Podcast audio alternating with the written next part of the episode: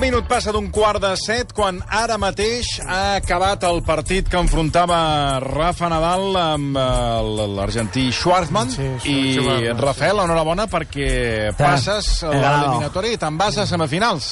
Sí, correcto, 3 a 1. Ha sido un partido difícil, ha sido un partido disputado. Pero finalmente ya vamos a, a la siguiente ronda, vamos a semis, ya adelante y todo, dar toda la carne en el asador para la siguiente ronda, que es lo más importante. Y sobre todo para mis diga patrocinadores, se- seguir teniendo la confianza de mis patrocinadores como Mafre, que me han asegurado esta victoria. Y por eso ha sido una victoria tranquilizante como subirte a un Kia. Si tú eres a un Kia, Ay, tienes siete no, años de garantía como, la, como las eh, victorias que he ganado. Rafael, ara parlarem de, de prendre decisions. Sí. Tu en prens moltíssimes. Pren moltes Eh, decisions, sobre todo de contratos. ¿Qué contrato me conviene más? no, em referia sí. quan jugues, que Quan prens, jugues. prens eh, També. milers de decisions a cada, a cada jugada. O, hasta on la tiro, la tiro aquí, Clar, la tiro no, per allà. no, La dreta esquerra amb una valla. Exacte, on poses, la, com poses la raqueta, on va la pilota, on vols eh, orientar-la. Drive. Una mitjana, penseu que una persona eh, arriba a prendre 35.000 decisions al dia. Fixa't. Això sí, el 99% són decisions que el cervell pren sense demanar-los o sigui, d'una manera automatitzada, com en Rafa Nadal, que és més eh, màquina que home. Per tant, eh, només en som conscients d'aquestes decisions d'un 1%. Ara, eh, tot i que és un percentatge petit, en la majoria dels casos són eleccions que a la vida eh, ens poden fer patir i molt. Per exemple, Uh, estem en època de selectivitat. 40.000 estudiants que aquesta setmana, després de la, de la selectivitat, hauran de, mm, doncs, de meditar i pensar què fan amb la seva vida, quina carrera trien, uh, quin futur laboral es, mm, doncs, eh, escullen i si han de tenir en compte el que realment els agrada o han de tenir en compte les carreres que tenen més futur Ara. o les persones que, arran de la pandèmia, d'això ara en parlem amb el Xavier Guix, doncs estan fent un plantejament de, de canvi de vida, tant a nivell de feina com, per exemple, fins i tot de parella. Hi ha moltes crisis de, de parella. Hombre. Xavier Guix, psicòleg, escriptor, bona tarda. Bona tarda. Ens deies l'altre dia a microtancat que ara mateix a la consulta del Xavier Guix molts casos, molts de persones preocupades perquè han de prendre grans decisions. Qui, quina mena de decisions, Xavier?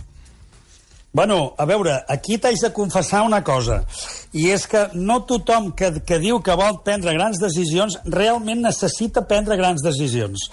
És a dir, et distingiré. Hi han persones que, efectivament, donades les condicions de la pandèmia, s'han donat compte de que potser doncs, l'estil de vida que portaven, la forma de viure la- el treball, la relació, el fet d'haver estat molt convivint amb la relació, també s'han donat compte, de, en fi, de moltes coses, i hi han persones que, efectivament, han descobert que la seva vida ha de seguir un altre camí. Aleshores, sí, algunes realment s'ho estan prenent de debò, que vol dir, estan començant a prendre decisions en aquest sentit, i a vegades doncs, venen els psicòlegs senzillament perquè els ajudem una mica a poder fer aquest, aquest pas, no?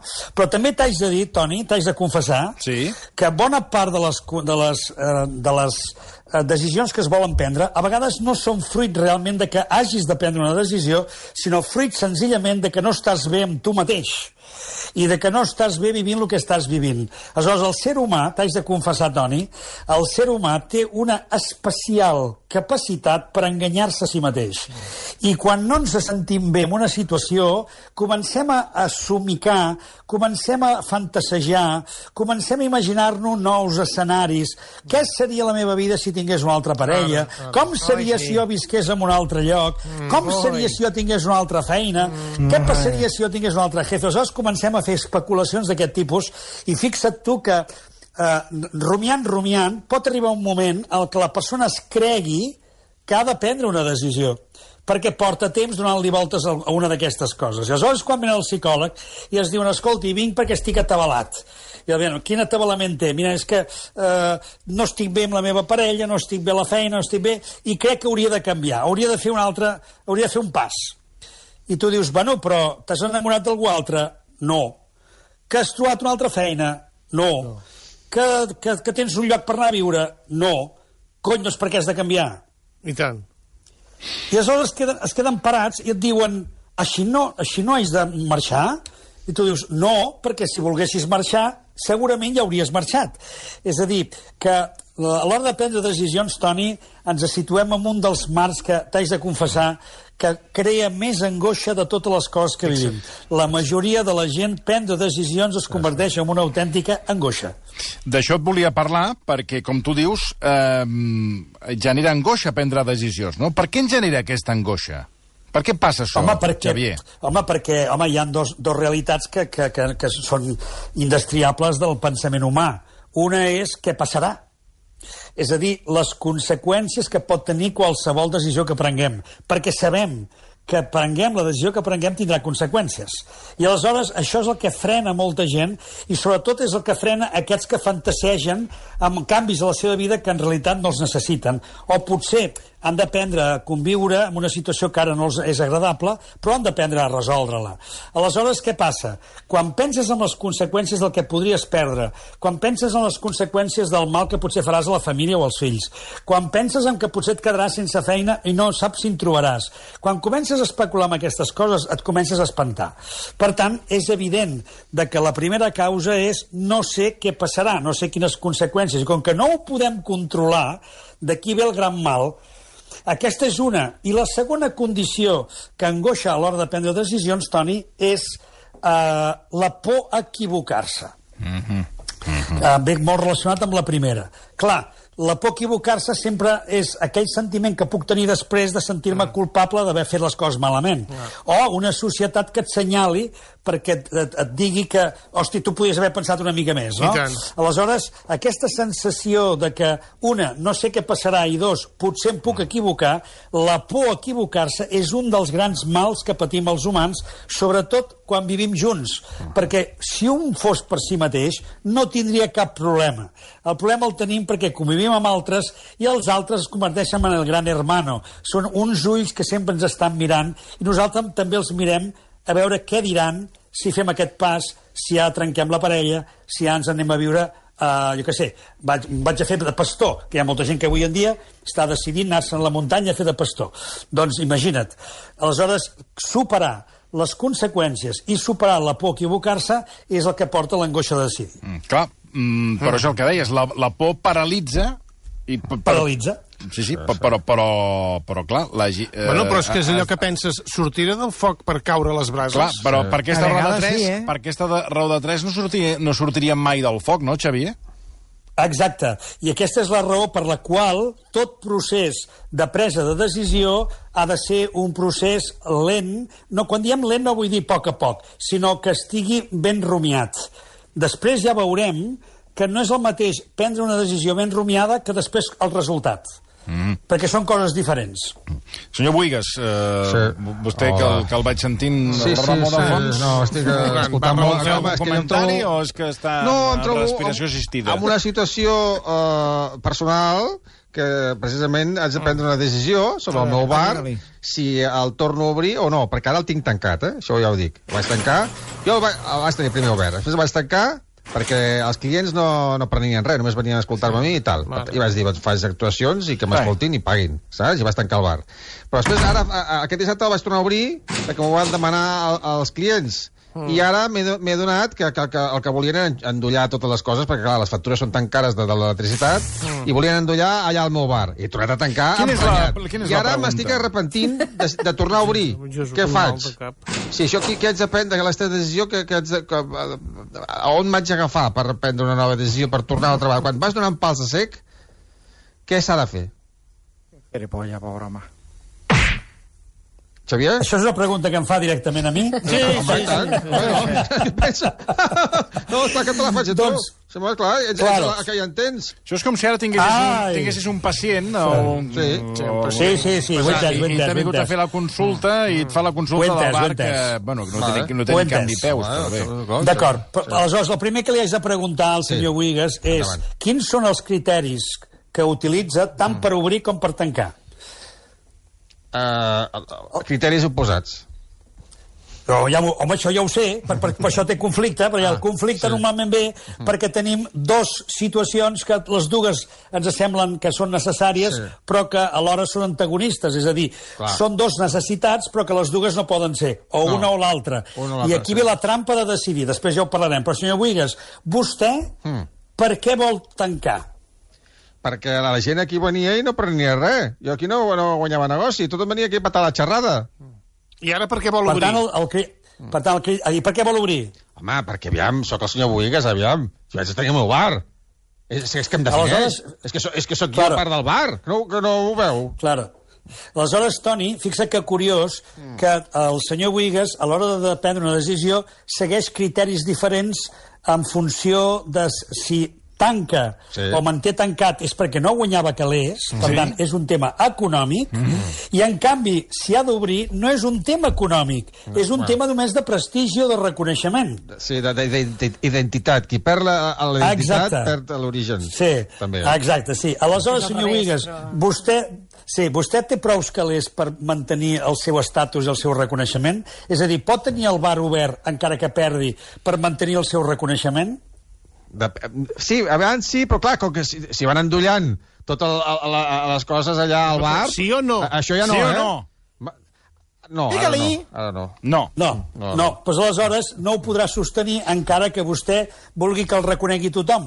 Mm. Aleshores, imagini's quin esforç faria, això seria allò que dèiem al principi, Toni, que és enganyar-se un mateix, no? Ah. Creure que per tal de que em, que em reconeguin, Ah, per perquè per tal de mantenir, etc etc, uh, no hi guanyaré res, i aleshores no tinc calés per mantenir-ho. Per això, Aleshores, per la, això. la, co- la condició econòmica en aquest cas s'imposa per damunt de totes. Vale, l'obro, l'obro, doncs. Vale. Estem aquests dies, eh, Xavier, amb eh, bueno, els, eh, els adolescents, o ja no tant adolescents, estan en etapa de selectivitat. Eh, Sí. Clar, arriba un moment que l'estudiant, després de la selectivitat, ha de triar què fa, què estudia. Exacte, quina I carrera. Sí, sí. l- a vegades et pots deixar portar per la teva passió, pel que realment t'agrada, i un altre que et diuen, no, tria les carreres Mm, que donguin cèntims. Que, donguin, que tinguin, que tinguin Notari. futur. I bé, la, la pregunta és que s'ha de prendre una decisió aquí. Com, com fas valer la, la, la teva decisió? Et deixes portar pel cor? Et deixes portar pel cap? Com, com, ho, has de, com ho han de gestionar aquests alumnes? Mira, uh, aquest és un tema que tu treus, que és un tema que requeriria una, una xerrada de tota una hora amb diferents professionals de la- de l'educació, perquè és un tema interessantíssim. Perquè fixa't, com una persona a aquesta edat, que moltes d'elles encara ni es coneixen prou a si mateixes, ni saben ben bé què volen a la vida, han de prendre ja una decisió que més li diuen que és transcendental. Exacte. Per tant, et posen, et posen la, la, la, la pell ja a, a, a tensionar. Per tant, la, la pregunta que ens hem de... La pregunta no, la qüestió per mi és la següent. Fins al dia d'avui, què t'ha resultat més fàcil? On t'has sentit més capaç? On has desenvolupat més la teva, les teves capacitats? Amb què t'has sentit més còmode treballant? Perquè, clar, efectivament hi ha moltes persones que creuen que han de ser advocats, que han de ser metges. Imagina't tu, i això ho recordo perquè ho vaig viure, un noi amb 16 anys que deia que volia ser metge i no anava ni a classe. És a dir, el fotien fora de classe cada dos per tres perquè senzillament és que ni anava. Però, en canvi, en el seu imaginari ell estava convençut que algun dia seria metge. Yo. Aleshores, aleshores dius, bueno, si tu resulta que no estàs mostrant cap inquietud, ni estàs mostrant cap interès, ni estàs tenint una... Uh, ni estàs mantenint un ritme d'estudi, de treball sobre una cosa que t'hauria d'absorbir absolutament uh, tot el teu cap. Uh, aleshores, els nanos, quan estan ara prenent decisions sobre això, és molt important que tinguin en compte amb què s'han vist valents, amb què se n'han sortit bé. I aquí els pares compte, perquè els pares amb això poden ser molt bloquejadors o molt capadors, dit entre nosaltres, uh -huh. eh, d'una manera lleugera. A vegades els pares en aquest sentit capen. Per què? Perquè et volen orientar cap a coses que efectivament poden ser molt econòmiques, poden ser molt prestigioses, però en canvi aquella criatura no està preparada per això. Aleshores, hi ha un cas que explica un, una persona que està molt vinculada al món de l'educació, que va escriure un llibre molt interessant que es diu El elemento, Ken Robinson, i en, i en Robinson explicava el cas d'una noia que la seva mare la va portar a la psiquiatra perquè veia que no estudiava i que li costava molt i no se'n sortia. I va creure que l'havien de medicar. I el psiquiatre, mentre la mare estava parlant, veia per la finestra que la nena, que s'havia quedat a la sala d'espera, estava tota l'estona ballant per la música que hi havia del fil, del film musical. Sí. I llavors li va dir, escolti, vostè s'ha fixat que la seva filla és una gran ballarina? Li agrada molt ballar? Per què no l'orienta cap aquí? I la mare en aquell moment va seguir el consell del metge i va dir, oh, potser sí, ja que en els estudis no acaba de ser bona, en el, en el sentit d'uns estudis intel·lectuals, doncs va començar a, a, a, a orientar cap a la dansa. Doncs pues aquesta nena es va convertir amb els anys en la coreògrafa del musical Cats. Per tant, les persones ja estan demostrant amb la seva actitud, amb el seu comportament, amb la seva manera de relacionar-se, amb les seves dèries, amb les petites cosetes del dia a dia que els agraden, ja ho vas veient si tenen una mentalitat més eh, de, derivada cap a l'economia, o si es dediquen més a temes d'enginyeria, o si són persones que els Ei. agraden molt les relacions humanes, i per tant, dius que, veus, dius, aquest nano no, té, no, no se li nota que tingui cap, cap eh, direcció en el sentit d'una professió, però en canvi és molt bo juntant persones, fa, fent amics, és una persona que socialment s'entén amb tothom, doncs ja ens està demostrant aquesta persona que té habilitats en aquest sentit. Aleshores, una persona que es pot dedicar cap al tema social, van i me'l foten cap a ser un, una, un ofici que potser és un ofici molt intel·lectual i s'avorrirà i es morirà de fàstic. Per tant, és molt important que a l'hora de prendre aquestes decisions es tinguin en compte criteris de veritat. Per això et deia al principi, Toni, és molt important que no caiem en la trampa de l'autoengany ni que vulguem projectar en els nostres fills allò que nosaltres potser no hem aconseguit de joves, allò que haguéssim volgut, i aleshores volem que el fill es converteixi en allò. I aleshores, si entrem en aquesta dinàmica, no anem bé. Hem de ser capaços, tots els pares, i totes les persones que ajuden, i totes les persones que orienten, i això crec que els orientadors ho tenen molt clar, de sempre enfocar cap a allò que la persona ja ha demostrat que hi té tendència i no pas intel·lectualment si té un bon coeficient o no. Jo soc, jo soc del Barça i del Madrid i hi ha gent que diu que m'haig de decidir. I jo no vull decidir. Això què haig de fer? Saps? Doncs no des- no entén, decideixi. no entén que sigui del Real Madrid i del Barça. Doncs no decideixi. No decideixo, eh? Vale, No decideixi. vale gràcies. No, sí, això, el que passa és que tindrà un problema, només tindrà un problema, eh? Mm. Vostè m'ha dit al principi que tenia un problema d'identitat, que vostè volia preservar la seva identitat. Aleshores, si vostè no es confirma ni en un lloc ni en un altre, el que, el que ens està dient és que vostè no té clar si una cosa o si l'altra. Si és Ja, carn però- o peix. Però si tens dues Ah, identitats, aviam, dues identitats és més que una? Jo- No, en aquest cas no, perquè són contradictòries en, en si mateixes. Ah, s'anul·len. És, aleshores, diríem que vostè, a l'hora de triar des de la seva voluntat, si és del Barça, està content que guanyi el Madrid? Jo, clar, jo sempre estic content perquè quan guanya el Barça estic content. Quan guanya el Madrid Sí, també. està molt bé. I, i, però si, les- les- I si guanya les... l'Atlètic de Madrid, jo com a barcelonista penso, bueno, com a mínim no ha guanyat el Madrid, el Real Madrid, saps? Sempre estic Sí. content. Esclar, jo no ah, perdre aquesta molt bé. felicitat. D'acord, però aleshores vol dir que vostè no s'identifica ni amb un ni amb l'altre. Jo, eh, eh? No, ja està. Ara l'ha fotut! Ara l'ha fotut! és que, no, és que aviam, Per tant, jo, és jo que així és molt fàcil. O sigui, si, escolti, una persona que està desidentificada del futbol, que està Sí. allunyada del futbol, tant se li que guanyi un com un altre. Bueno, no, no, me- jo m'identifico amb tots. Amb tots, això... Profundament, eh, a més a més. Sí, exacte. Identificar-se amb tots, senyor Buigues, és no identificar-se amb ningú. Ah, sí? Sí, és el mateix. Estava en aquesta situació Senyor Boigas, crec que hauria de, de demanar-li hora al Xevi Guix i fer una, per- una sessió, No, com a que mínim, estic- perquè estic més greu del que pensava, eh? Bueno, és que estem Una en sessió? estat de xoc de... Bueno, Només una? No, Per, perdoni, hi ha, hi, ha una vegades, hi ha vegades que hi ha gent que, que es pensa que és feliç i després va al psicòleg i se n'adona que no ho era? Uh, podria passar, podria passar. El que passa que, almenys des de la meva experiència, només puc parlar per mi, perquè jo no estic a la sala del psicòleg dels meus col·legues, per tant, per, des de mi, moltes vegades el que intento per sobre de tot és eh, orientar la persona cap a allò que la fa bé, que la fa feliç i que la fa estar bé. I si eh, posar-nos ara a remenar l'ha de portar a passar-ho malament, només seria en el cas de que ella cregui que pot ser un camí per resoldre alguna cosa. Però si això ens ha de fer desorientar, ens ha de fer perdre la il·lusió, ens ha de fer perdre la facultat de sentir-se bé amb si mateixa, no cal que ho remenem. I tant.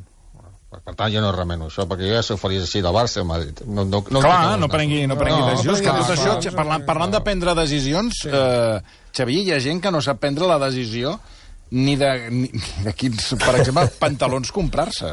I Sí, aleshores sí, molt dubten, difícil. dubten Sí, i s'acaben comprant dos.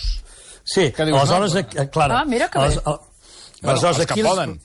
Claro, però aquí els hi hem de donar un consell, que és, eh, a vegades quan la tria, quan, la, quan tens dues coses per triar i les dues t'agraden molt mm. i, no, i només te'n pots quedar una, Sí. Aleshores no et quedis mirant la prenda, sinó mira el context en el que tu faràs servir aquesta prenda. I aleshores descobriràs si aquesta prenda te la posaràs molt o te la posaràs poc, perquè si resulta que és una prenda que és molt maca, però la faràs servir només un cop a l'any, aleshores ja tens, ja tens un criteri decisiu. Per tant, el que hem de buscar són criteris que ens ajudin a decidir, no criteris que ens ajudin a complicar-ho més. Aleshores, fixa que ja tornem. La ment humana, com es complica la vida perquè hi, eh, hi posa masses paràmetres, eh, hi posa massa informació, eh, eh, hi posa masses... Eh, a veure, les dues peces. Ai, és que les dues m'agraden, és que no ho sé, mm. perquè les dues m'agraden, no i vinc a donar-li voltes, i no ho sé, no ho sé, no ho sé. No ho sé. Amb això, aleshores, has de sortir d'aquest joc, perquè la teva ment està enredant amb el joc del dos. El joc del dos sempre és o l'un o l'altre. I saps què, Toni? La solució a la vida no està mai en el dos, està en el tres. Hombre, claro. Fixa. Què vols dir? Per Que tant- si, si, per exemple, estàs dubtant... Ara em poso un altre... O sigui, suposem, no sé... Nosaltres estem els pantalons, dos pantalons. Dos pantalons. Un, Eh, uns que són més estrets i els altres Bueno, que són dos més pantalons. amples. La solució vols dir que estaria en, en un tercer pantaló que no el tens... Eh, que, que, que en Que aquell... Per exemple, per exemple, eh? o donar-te, a l'hora de prendre una decisió més sèria, Sí. sí. donar-te el temps perquè surtis del joc entre l'un i l'altre, perquè això és la ment humana que té la tendència a fer dualitats o oposats. Aleshores, clar, volem resoldre una cosa que és impossible, que dues coses que ens agraden per igual, Clar. volem quedar-nos només amb una, i això no pot ser. Per tant, eh, per no patir, mm. hem de donar-nos el marge necessari per trobar una tercera opció. I la tercera opció, quan apareix, ho resol tot, Toni. Sí, sí. Per tant, hem de ser en aquest sentit calms, tranquils, de dir no et Però ara, et- precipitis. ara et faré una pregunta en, ca- amb Sí. trampa, eh? La, Suposem la, que... dona, la dona o la querida? No, no, ah, bueno, anava per aquí. Tu imagina que tens, tens una relació i de, i de cop i volta et, et dius, et planteges, uh -huh. perquè t'agrada Sí. una altra persona i hi ha un moment que no sé què fer, sí. Vols dir Sí. que, que fins que no aparegui una tercera no cal que prenguis decisions? No, no, no, en aquest cas no seria una En aquest tercera... cas no. No. Eh? Sinó seria donar-te compte que el tercer en aquest cas ets tu. És a dir, que el 3 ets tu. Tu tens una dona per una banda, una altra dona per una altra, i el tercer ets tu, que vol dir, primer t'has d'aclarir tu, tio, per què necessites fer aquest canvi? No, perquè normalment, quan fas el canvi, sempre surts, surts del foc per caure les brases. Bueno, aquest és, el, millor aquest és, el, aquest és el seu comentari. Lo millor anar en paral·lelo, con bueno, escolteu, um, espero que us hàgim ajudat a prendre decisions. molt. Uh, si més Oh, no, Toni, una cosa molt important. si més no, si més no amb els pantalons. Sí. Sí, no, no, els pantalons per mi és el de menys, perquè això Oh, són criteris perdona, que a hi ha gent que vegades... no sap ni triar pantalons, eh? I D'acord, d'acord, però mira, Dues, dues hores comprant. Sí, però aleshores, ja repeteixo, una, un, un truquito. Pensa en el context que ho, que ho faràs servir i no Bon. pensa en la, en la, en la roba. Sí, sí. I dos, si estàs realment molt enredat, molt enredat, tira la moneda. I dit això, la, la, el tema més important sobre prendre decisions, Toni, que això sí que em sembla que és molt, molt, molt important que ho expliquem, perquè és la trampa amb la que cau molta gent. I és eh, donar-li molta importància a la presa de decisions, és a dir, el temps que hi dedica per prendre decisions, pensant que com més ho pensi, més fàcil serà que endevini, que li surti bé. I, en canvi, hem de ser capaços de separar la presa de decisions dels resultats. Per què? Perquè un pot prendre una bona decisió molt ben pensada, molt ben analitzada, i en canvi que li surti fatal. Per què? Perquè sempre hi ha algun factor que no podem controlar. Sempre hi ha factors externs que no depenen de nosaltres. Per tant, una cosa és pensar bé, pensar bé la decisió i l'altra és el resultat final.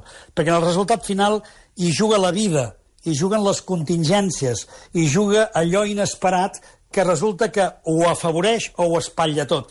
Per tant, moltes vegades la gent es culpa eh, i fins i tot dedica excessiu temps a pensar molt una decisió, necessiten pensar-la i pensar-la i pensar-la, perquè creuen que pensant-la molt la decisió serà més bona. I no és així. Cal pensar el just i necessari i després estar atent al resultat i sobre el resultat continuar activat per aconseguir allò que tu vols. M'ha agradat molt això que dius del temps eh, pensant una decisió, perquè hi ha gent que se'n va, què et diré jo, a la, però no sé, a un refugi o a un... Montserrat de les Celes. Bueno, a pensar, a pensar, a pensar. Claro. I, I, clar, vens a dir que no cal tanta estona per prendre una... Eh, que no- que no cal- no cal no. tanta... No, no cal tant de temps, dir. Exacte, perquè com més triguis, eh, com més ho pensis, més variables comencen a aparèixer i més dubtes comencen a aparèixer i, per tant, arriba un moment que et perds de tu mateix. Per tant, si entres en aquesta dinàmica no ho resoldràs mai, perquè vols controlar i assegurar-te que el resultat serà bo. I el que dèiem al principi, la causa de l'angoixa és la por a equivocar-se. Xavier Guix, eh, esplèndid. Eh, moltíssimes gràcies eh, per acompanyar-nos una tarda més. Gràcies. Xavi. Adéu. Senyor Uigues, per tant, vostè a mantenir el... En fi, el, Tot igual, tot igual. tot igual i, Sí. i qui dia passa any Sí, enrere, ja, no? igual, del sí. Madrid, del Barça i... I si va malament, és igual. Una miqueta de, una miqueta de regal, senyor, Sí. senyor Boigas? Sí, sí, doncs sí. obri la boca.